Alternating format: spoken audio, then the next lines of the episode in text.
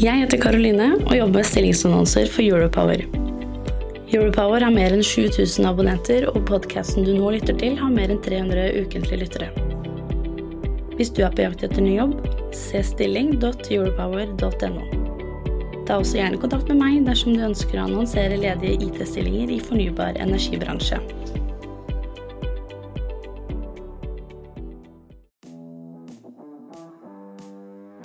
Du, Pia, visste at det ble utsolgt i fjor da vi samlet IT-beslutningstagere i energibransjen på energibransjens IT-konferanse? Ja, det visste jeg. Vi måtte jo si stopp rundt 215 deltakere. Eh, Men fortvil ikke. Eh, Den 26.9 så samler vi på ny hele flokken for å dele erfaringer og bygge nettverk. Og vet du hvem som er sponsorer og som skal delta på scenen i debatter i år, da? Ja, er, er ikke det Statnett, Elhub, Elvia, Lede og Embrik? Jo, og så er det Microsoft, Itera, Bouvet, DNV, Elmera Group. Så må vi jo ikke glemme da Nodes, Segal og PwC. Eh, Og sponsorene har allerede kjøpt opp mer enn 150 av deltakerplassene, så dette blir garantert årets viktigste møteplass for de som jobber med IT i energibransjen. Så ta en titt på teknologioptimistene.no for mer informasjon. Men nå er det nok reklame for energibransjens IT-konferanse.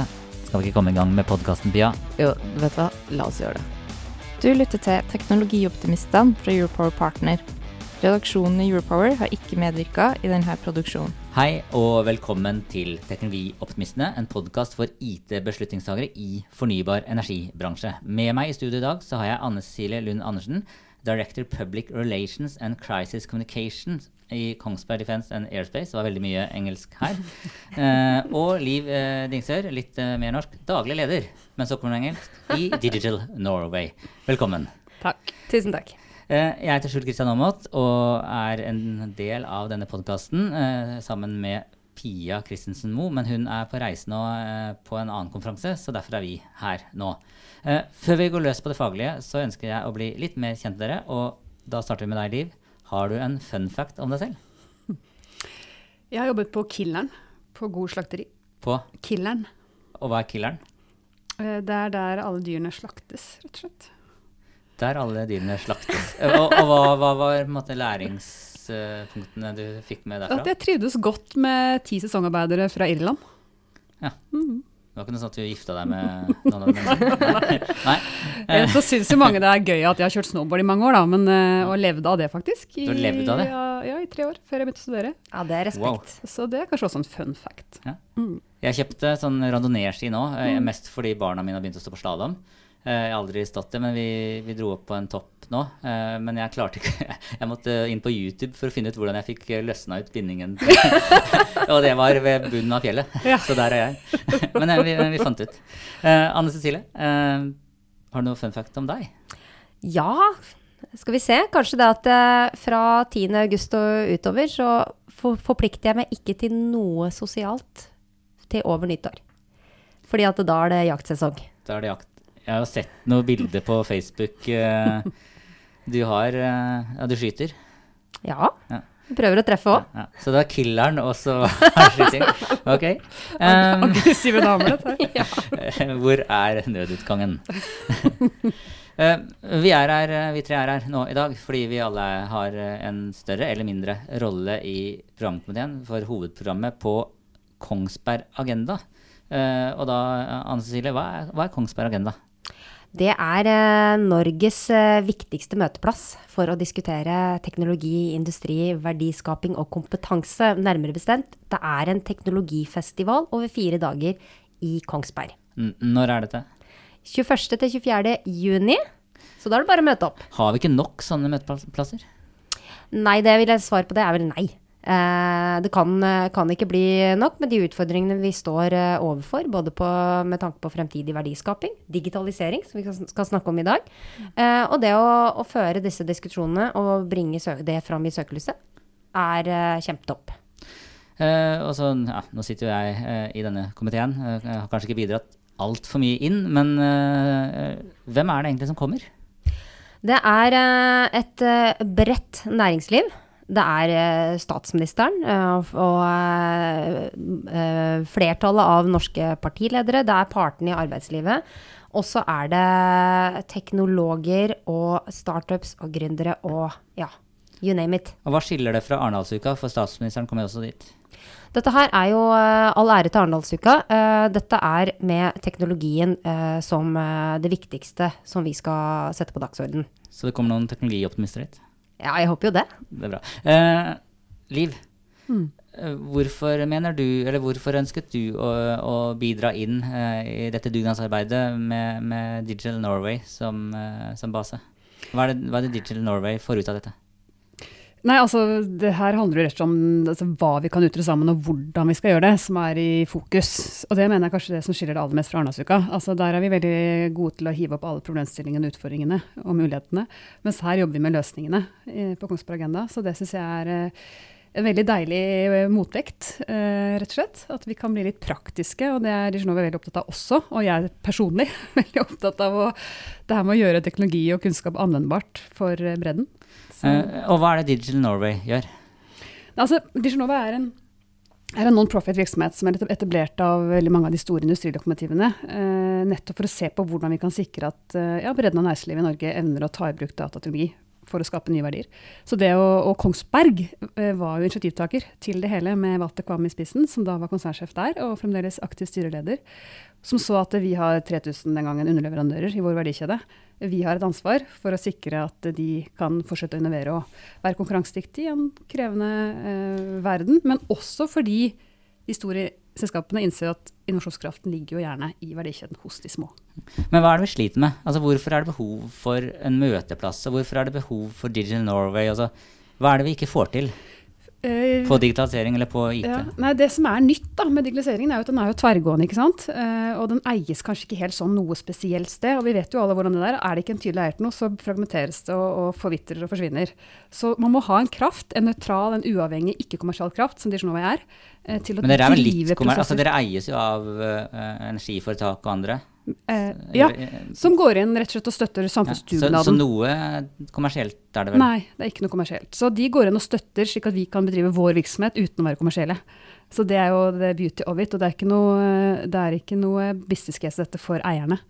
Så det her er rett og slett at man ønsker å være med og bidra. Man ser at skal vi få til ting nå fremover, spesielt knyttet til datateknologi, så må vi jobbe sammen på helt nye måter, i helt nye økosystem.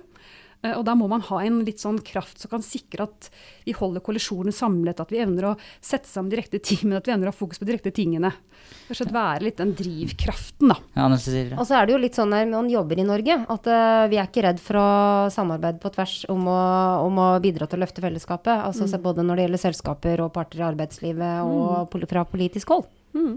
Det er en del av den norske modellen. Uh, og det å også samarbeide på tvers, uh, Liv. Du fortalte meg jo at eh, altså, Eller vi her i Europower og Teknologioptimistene har jo pratet mye om Digin, som er et nytt initiativ.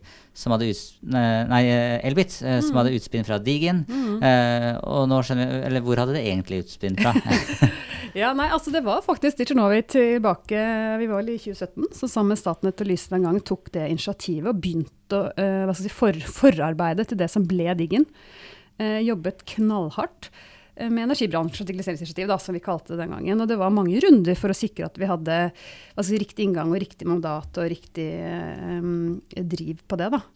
Eh, Så det startet jo med nettvirksomhetene, men det som vi ser nå, uh, som er veldig spennende, er jo hvordan eh, forsyningssikkerheten spenner mye bredere. Ja, ble, ble det noe annet? Ble, ble Elbits noe annet enn det dere så for dere når dere starta med Nei, dette er strålende utvikling. ikke sant? Fordi dette var jo et, et prosjekt som ble løftet og drevet fram til, uh, til, et, til et større prosjekt, som, som jeg mener er vår rolle. Uh, vi skal ikke drive det over lang tid, så det, det var noen år hvor vi fikk dette opp. Holdt, var med og bidra til å holde det samlet. Det ble løftet inn til det som var Energi Norge, da, som nå har byttet navn. Eh, Alt bytter navn. Ja, som, er, som også var veldig ja. riktig. Så var vi tett på. Og så er det strålende nå at uh, selskapene selv tar dette initiativet, som vi støtter fullt ut og er tett på. da. Så Jobber dere mye med energibransjen nå? vi jobber mye med energibransjen, og veldig mange av våre eiere er jo også tett knyttet til. Og vi ser at dette er jo premiss for hele samfunnsutviklingen. Hva er det energibransjen sliter mest med på, på digitalisering? Ja, Hvis vi spenner buen bredt, eh, så vil jeg si at eh, det som handler om et, et felles digitalt språk, er jo det som er krevende nå, da. Um, uh, nå må vi, ha, nå må vi liksom ha løsninger på tvers av verdikjedene på en helt annen måte. Dvs. Si at vi må ha digitale løsninger, maskinespare data, gode grensesnitt, protokoller. Altså alle disse tingene som vi er nødt til å få til å funke på tvers av uh, kraftselskapene, men også fornybarselskapene. Hav og land osv. Så, videre, så, så nå er vi nødt til å få ut potensialet i, i alle eh, energikildene våre. Og da må de samskape og samhandle på en helt annen måte. Og det er vi ikke rigget for i dag i det hele tatt. Du, Pia, er det ikke litt kult at teknologioptimistene nylig vant fagpressens markedspris? Vet du hvor mange medlemsbedrifter som er med i fagpressen? Du, det er jo mer enn 200? Ja, det er mer enn 200, og så ble vår podkast og møteplassene vi har etablert for våre lyttere i Teknologioptimistenes nettverk og den store IT-konferansen som vi kjører i september, kåra til nummer én, altså bransjens beste markedskonsept. Du vet hva, Det er jo bare å si tusen takk til deg som lytter, og til dere som deltar på møteplassene vi har etablert for IT-beslutningstakere. Du vet at Denne prisen vant vi i Europower, altså sammen med dere, dere lyttere. Det gjorde vi. Men nå over til podkasten igjen. Det var vel eh, ei fra Lede, nettselskapet Lede som sa at nå må vi passe oss skikkelig fra ikke gå fra analoge siloer til ja. digitale siloer. Yes. Uh, eh, Anne Cecilie, Kongsberg Defence and Airspace. Hva gjør dere? Vi er jo en uh, leverandør på av forsvarsteknologi. Intet mindre i. Uh, verdensklassen. vi er jo en del av Kongsberg-gruppen.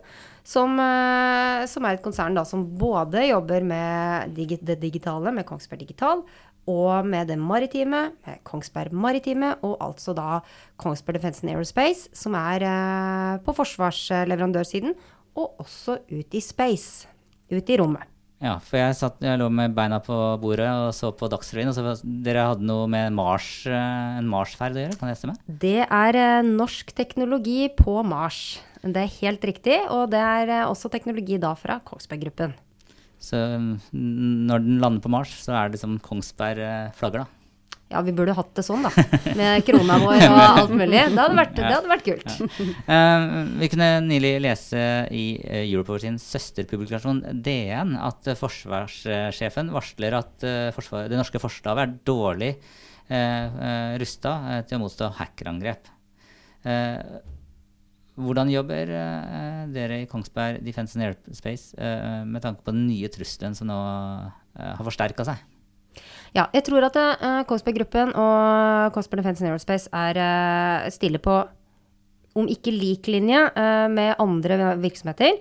Så ser vi da at uroen i Ukraina nå selvfølgelig også gjør noe med trusselbildet. Og også på den digitale fronten. Vi ruster oss selvfølgelig for å sikre oss mot en sånn trussel. vi, lever, vi hvis du tenker på at vi leverer tjenester på det området, så gjør vi ikke, ikke det. Men uh, vi må selvfølgelig være årvåkne når det gjelder å sikre, sikre oss som selskap, vår teknologi, og ikke minst våre produkter. Tror du at uh, russerne kommer til å lykkes med å komme inn hos dere? Nei. Det må jeg, kan jeg jo ikke si ja på. Nei, men, um, men, digitalisering generelt på forsvarssiden, det har jo vært en faktor i, uh, i mer enn 50 år.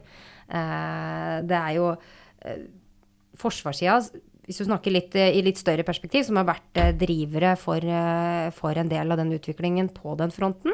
Mens nå ser vi hvordan også sivil sektor kommer inn på forsvarssida. Hmm. oljebransjen har tjent store penger på krigen. Hvordan tjener eh, dere i Kongsberg penger på krigen?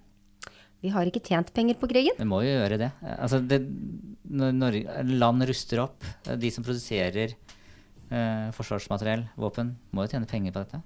En forsvarsleverandør vil jo selvfølgelig tjene, tjene penger på at eh, det blir innkjøpt materiell fra, fra både for, fra sitt eget forsvar og fra markedet der ute. Men hvis du spør meg helt konkret om, om vi har tjent penger på Ukraina-konflikten eller krigen, så er svaret nei. Og det er ganske enkelt fordi at forsvarsbransjen er så langsiktig at uh, det man eventuelt som vil komme av nye ordre knytta til den spesifikke konflikten, har ikke begynt å vise seg på bunnlinja.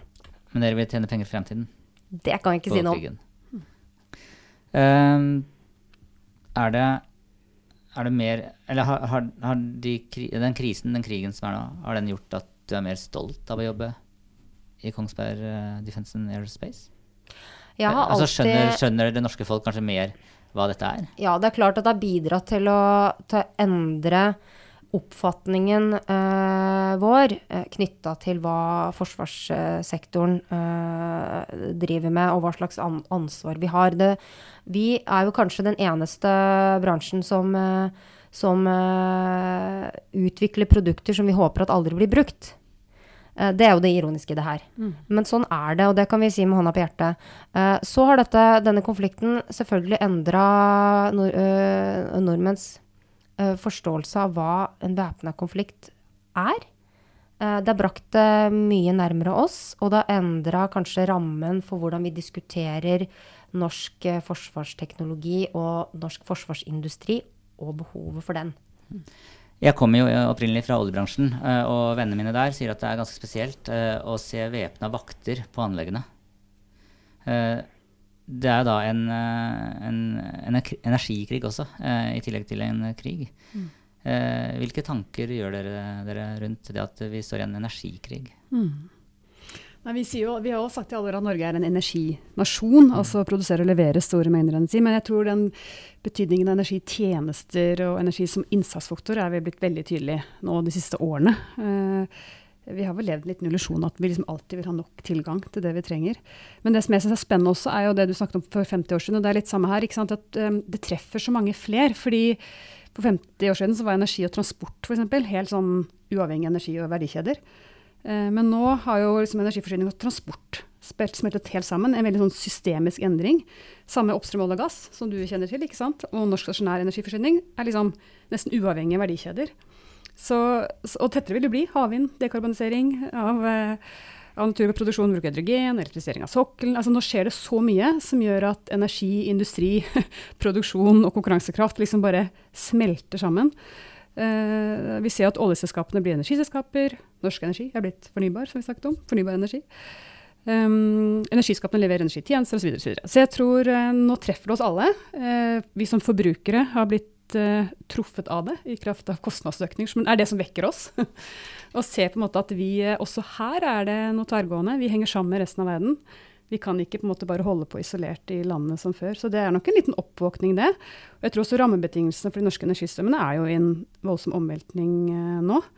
Og premissene for å opprettholde det vi kaller forsyningssikkerheten, er jo også helt annerledes enn det, enn det var. Så jeg tror det er en, veldig, det er en stor økt bevissthet, uh, og jeg tror det har fremskyndet da, behov for å se på integrasjon, uh, gitt det komplekse bakteppet, mellom disse ulike verdikjedene innenfor energisektoren.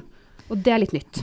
Og, og, og integrasjon, det kan jo også være det, eh, det å, å, å integrere ulike Mm. tjenester. Mm. Uh, men når alt sys sammen, Mm. uh, så blir jo alt mye mer sårbart òg, gjør det ikke det? Altså for angrep. Jo, det kan du si, men dette må man jo ivareta med teknologi, da. ikke sant? Det er ikke sånn at, så, men, det er jo det, men det er jo dette med bedre informasjon, høy presisjon, god data for planlegging. Alt dette gjør at vi krever en grad av sømløshet. eh, Men det betyr jo ikke at ikke du kan ivareta sikkerheten samtidig, da. så. Hvordan jobber dere i Digital Norway eh, med medlemmene med tanke på angrep, angrep altså hacking? Hvor, hvor høyt på agendaen er det? Nei, du kan si, vi, vi har jo styremøte med hvor da det er 17 selskaper, eller 17 av de største virksomhetene i Norge er til stede. Og da diskuterer vi på en måte hva er det som er høyest på agendaen nå. Eh, og det er klart at um, beredskap og cybersikkerhet er høyest på alles agenda. Og det treffer jo, og det er klart i Digital Voice er jo egentlig all kritisk infrastruktur mer eller mindre samlet rundt det styrebordet. Eh, Så dette er ekstremt viktig. Men det, det ene er nå hva de store gjør, men det vi er opptatt av er jo alle de mindre virksomhetene eh, som er veier inn til verdikjeden, apropos at alt henger sammen med alt. Ja. det, svakeste leddet er det svakeste leddet. Så det ser vi er en økende bevissthet også hos, eh, hos de store, at eh, med mindre vi også jobber sammen om å sikre at de små har kontroll, eh, så er vi utsatt. Så da hjelper det lite hva man gjør eh, i et stort konsern. Uh, digitalisering i Kongsberg uh, Defence and Aerospace. Uh, hva, er det, hva er det dere gjør der? Altså, jeg- altså, mitt store bilde er liksom raketter, og da må man vite at eh, man skyter den ut med trykk på en knapp, og skal den treffe et sted, og da handler det om noe teknologi. Men, men hva mer er det man liksom jobber med på digitalisering, uten at du skal fortelle alt som er hemmelig, da? Ja, det var det, da. Eh, jeg er jo ikke teknolog, eh, som du vet. Men eh, det jeg kan si om det, er jo at vi Altså, forsvarsmateriell er jo Det produseres for at det skal vare i 15-20 år. Og, og det skal kunne vedlikeholdes Det måtte tåle en sånn opp, Vil du oppdatere ja, nei? ikke sant? Og så skal ikke alt bare skjøtte ned. Så det er jo en, selvfølgelig en faktor. Men vi Forsvarsmateriell er så mangt. Det er digitale komponenter.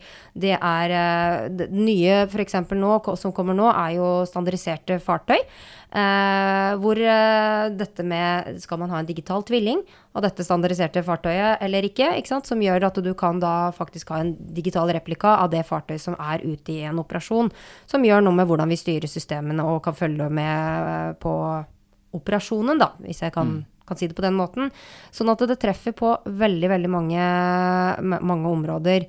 Og så ser vi også at det systemer vi utvikler på forsvarssiden, tas inn i på den sivile sida, som jeg nevnte i stad, som f.eks. med fjernstyring av flyplasser, remote tower-systemer, som også er jo en form for digitalisering. Så jeg tenker at det, eh, Digitalisering det gjennomsyrer så mangt. Det er måten vi jobber på, eh, hver og en av oss. Men det er også hva slags produkter vi lager, og hva slags systemer og tjenester vi leverer. Så eh, Så har vi alle fått oss en ny venn som heter AI. Hvordan jobber øh, dere i Kongsberg sånn kronisk med løgner. øh, Hvordan jobber dere med AI? Eh, det eh, er, eh, er jeg litt usikker på. Eh, heldigvis så er det ikke jeg som tukler med det. Men, uh, men uh, det vi ser, f.eks. på Kongsberg Agenda, da, er jo at veldig mange av aktørene som kommer dit, vil diskutere AI og Og, og, og hva, skal dere, hva skal diskuteres da på Kongsberg Agenda med tanke på AI? Alt fra hvorvidt man kan erstatte humankapital med AI. Eh, hvordan, eh, hvordan går dette her inn i, i skoleverket? Vi har jo kompetanse som en av bærebjelkene. ikke sant? Hvordan skal, hva skal skoler, eh, skolesystemet operere nå? Eh, hvordan eh, Påvirkes ja, demokratiet? Ikke sant, ikke minst. Øh, ja, hvordan påvirkes demokratiet, Liv? Nei, er, altså jeg, Vi jobber veldig mye med eh, AI på alle fasetter i Diginovay. Fra det liksom nettopp de store diskusjonene til helt ned på hvordan skal vi utvikle kompetanse som gjør at vi kan anvende det etisk og forsvarlig i norske virksomheter. Liksom. Så det er hele bredden. Men, eh, og jeg, jeg strid, Apropos å være teknologioptimist, så er det jo der mitt hjerte er. Men akkurat her ser jeg jo også at uh, det kreves at vi er uh, Er du bekymra? ja, de- delvis bekymra, fordi klart det er en veldig kraftfull teknologi som kan brukes til mangt, som alle andre kraftfulle teknologier. Det er jo som vi snakker om forsvarsindustrien eller i krig, det er jo grunnleggende regler, til og med i krig. Eh, ikke sant? Og det er jo litt det vi snakker om her. Vi må jo, vi, dette må reguleres. Eh, og det jeg er alle bekymret for, hva er det liksom worst case scenario Nei, det er for, mest- for Norge? ja, for Norge, det jeg er mest bekymret for, er egentlig disse deepfakes og den muligheten man har egentlig til å påvirke massene. Eh, spesielt knyttet til valg, f.eks. Så hvordan du kan direkte gripe inn i, i demokratiske prosesser ved å mislede sånn helt bevisst eh, ved å bruke kraften. Så det, det er mange, mange mm, områder vi skal være bevisste og oppmerksomme. Eh, men samtidig så åpner det opp veldig mange muligheter. Og for å ta det tilbake til Kongsberg Agenda, da, så synes vi jobbet jo komiteen med på en måte, hva er hovedretningen. Mm. Eh, og da sa vi at det er altså hvordan kan teknologi, industri og kompetanse bidra til å bringe oss fremover mot et grønt og digitalt skifte globalt som vi i Norge kan leve av. Og jeg syns den siste delen av den setningen er veldig viktig. Eh? Hvilke ambisjoner har vi på vegne av Norge, som du sier? Hvordan kan vi bruke teknologi, også kunstig intelligens, eh, inn i nye tjenester? Og jeg tror energisektoren spesielt mener jeg har en, en kjempemulighet til å tenke på hvordan vi kan styrke norsk, leverandør, norsk leverandørindustri og eksportpotensialet for energisektoren, hvis vi klarer å tenke eh, bruk av eh, AI og digitalt språk. Ja, og, ja, og, og da er vi inne på noe spennende. Hva, hva er det vi kan gjøre der? Eh, nei, jeg tenker på at løsningene da, på utfordringen med, med forsyningssikkerhet. Uh, da, hvis vi har en leverandørindustri nå som kan klare å håndtere uh, denne si, kommunikasjonsutfordringen, eller integrasjonsutfordringen, det, på tvers av energikildene, så har vi et eksportpotensial av dimensjoner. Fordi alle land må nå få alle energikildene til å fungere sammen. For det er ikke nok energi. Så vi må bruke absolutt alt vi har, også i kraftnettet. Allerede- Bare der er det sikkert 20 vi ikke tar ut, ikke sant? som må løses, eller forløses ved hjelp av teknologi. Så her er det et kjempestort eh, potensial for norske, norske, norske underleverandører til å Så, så dette er en god grunn til å, måtte, til å komme på Kongsberg Agenda. For, å være med på, for dette er vis- viktige diskusjoner. Anne Cecilie? Jeg må bare legge til at eh, på, Når det gjelder AI, så er det jo også viktig å huske på at selv om det nå er dukka opp masse kule filtre, og du kan generere bilder og alt sånn, så er ikke AI nødvendigvis noe helt nytt. Det har jo kommet truffet oss i bølger. Eh, og så er det litt av det som, som Ine sier, da. Det som er spennende, er jo å se eh, i hvilken grad den bølgen flater ut, eller om man, eh, man faktisk eh, kan bruke det til noe for å si det litt nedpå, vettugt. Um, så det er, en, eh, det er, et poeng. Og så brukes det allerede også i en, i en, uh, i en del sammenhenger, som f.eks. på broa i et skip, uh, med så mange datainntrykk som hentes inn. Mm. Så er det noe med hva, hva, den menneskelige faktoren klarer å hente inn, uh, og hva som kan hentes inn da ved hjelp av denne type teknologien, som er med på å tolke de bildene vi ser rundt oss. Sånn at det er jo allerede sånn at det brukes til mer enn å få et uh, kult avatarbilde på Facebook. Det fins mer her ute. Ja. Så tror jeg Norge har godt av å kjenne litt på den sense of urgency som kommer nå. Jeg, vi møter jo mange både etablerte virksomheter som jobber med mye spennende og nytt, men også startups. Og, og bare se den farten uh, de utvikler nye, ganske grensesprengende tjenester på. Vi snakker uker. Eh, ikke sant? Da nytter det ikke å drive med digitale siloer i energisektoren. Ikke sant? Her er vi nødt til å bare løfte blikket. Og klare å, å, se på den samhandlingen som må til. For skal du virkelig få til kraft da, av AI, så er vi nødt til å ha store mengder data. Og da hjelper det ikke om vi driver og samler det i siloer på tvers heller. Men da er vi inne på noe som ble tatt opp av hovedprogramkomiteen i Kongsberg Agenda også, nettopp dette her med lovverket. Fordi at eh, selskapene og de kloke hodene der ute, de innoverer eh, raskere enn eh, lovverket klarer å henge med. Og, og det er jo naturlig. så hvordan skal man da klare å, å, ivareta sikkerhet og alt som trengs å ivaretas på den siden, mm. og samtidig ikke bli en brems? Mm. og så Nå er jo jeg samla litt sånn vorspiel til Kongsberg Agenda. når skjer dette, Anne Cecilie? Det er uke 25, 21. til 24. juni. Og da er det bare å komme. Og hvor er det man finner programmet? Det finnes på nett. kongsbergagenda.no. Eller i Kongsberg Agenda-appen, for så, så, digitale har vi blitt. Dere er en app, altså. Eh, så bra. Eh, da gjenstår det egentlig bare å si takk til dere, Liv Dingsøl fra Digital Norway og Anne Cecilie Lund Andersen eh, fra eh, Kongsberg Defence and Aerospace. Men før vi eh, runder av, så må vi ta det viktigste spørsmålet av de alle. Og da starter vi med deg, Liv. Hva var din første datamaskin? Ja, Da var jo spørsmålet om Commodore 64 kvalifiserer som en datamaskin. Absolutt, gjør det det? Ja, absolutt. Da er vi der. Med kassettspiller? Ja. Bra. Så måtte du sette den på sånn spoling tilbake før du gikk og spiste middag. Så ja. hvis du var heldig, så var den mm. kanskje ferdig. Press play on tape? Yes. Og du, eh, Anne Cecilie? Jeg har ikke peiling. Det var en stor og grå og tung sak som uh, pappaen min hadde fått på jobb, uh, fordi da skulle de bli digitale. Og kom drassende med hjem i stua. Og så hadde vi en stor sånn utpakkingsseremoni. Uh, og så hadde han en egen brukermanual for å lære seg Excel. Så bra. Excel er bra. Ja. jeg heter Skjul Kristian Aamodt og jobber i Europower. Tusen takk til deg som lyttes. så ses vi kanskje på Kongsberg Agenda om et par uker. Det gjør vi. Gleder oss å se dere der. Hele energi. Alle teknologioptimistene er velkomne. Det er bra. Og noen skeptikere. Takk for oss. Du, Pia, visste du at det ble utsolgt i fjor da vi samlet IT-beslutningstagere i energibransjen på energibransjens IT-konferanse? Ja, det visste jeg. Vi måtte jo si stopp rundt 215 deltakere. Eh, men fortvil ikke. Eh, den 26.9 så samler vi på ny hele flokken for å dele erfaringer og bygge nettverk. Og vet du hvem som er sponsorer og som skal delta på scenen i debatter i år, da? Ja, er, er ikke det Statnett, Elhub, Elvia, Lede og Embrik? Jo, og så er det Microsoft, Itera, Bouvet, DNV, Elmera Group. Så må vi ikke glemme da Nodes, Segal og PwC. Eh, og sponsorene har allerede kjøpt opp mer enn 150 av deltakerplassene, så dette blir garantert årets viktigste møteplass for de som jobber med IT i energibransjen. Så ta en titt på teknologioptimistene.no for mer informasjon. Jeg heter Karoline og jobber med stillingsannonser for Europower. Europower har mer enn 7000 abonnenter, og podkasten du nå lytter til, har mer enn 300 ukentlige lyttere. Hvis du er på jakt etter ny jobb, se stilling.europower.no. Ta også gjerne kontakt med meg dersom du ønsker å annonsere ledige IT-stillinger i fornybar energibransje.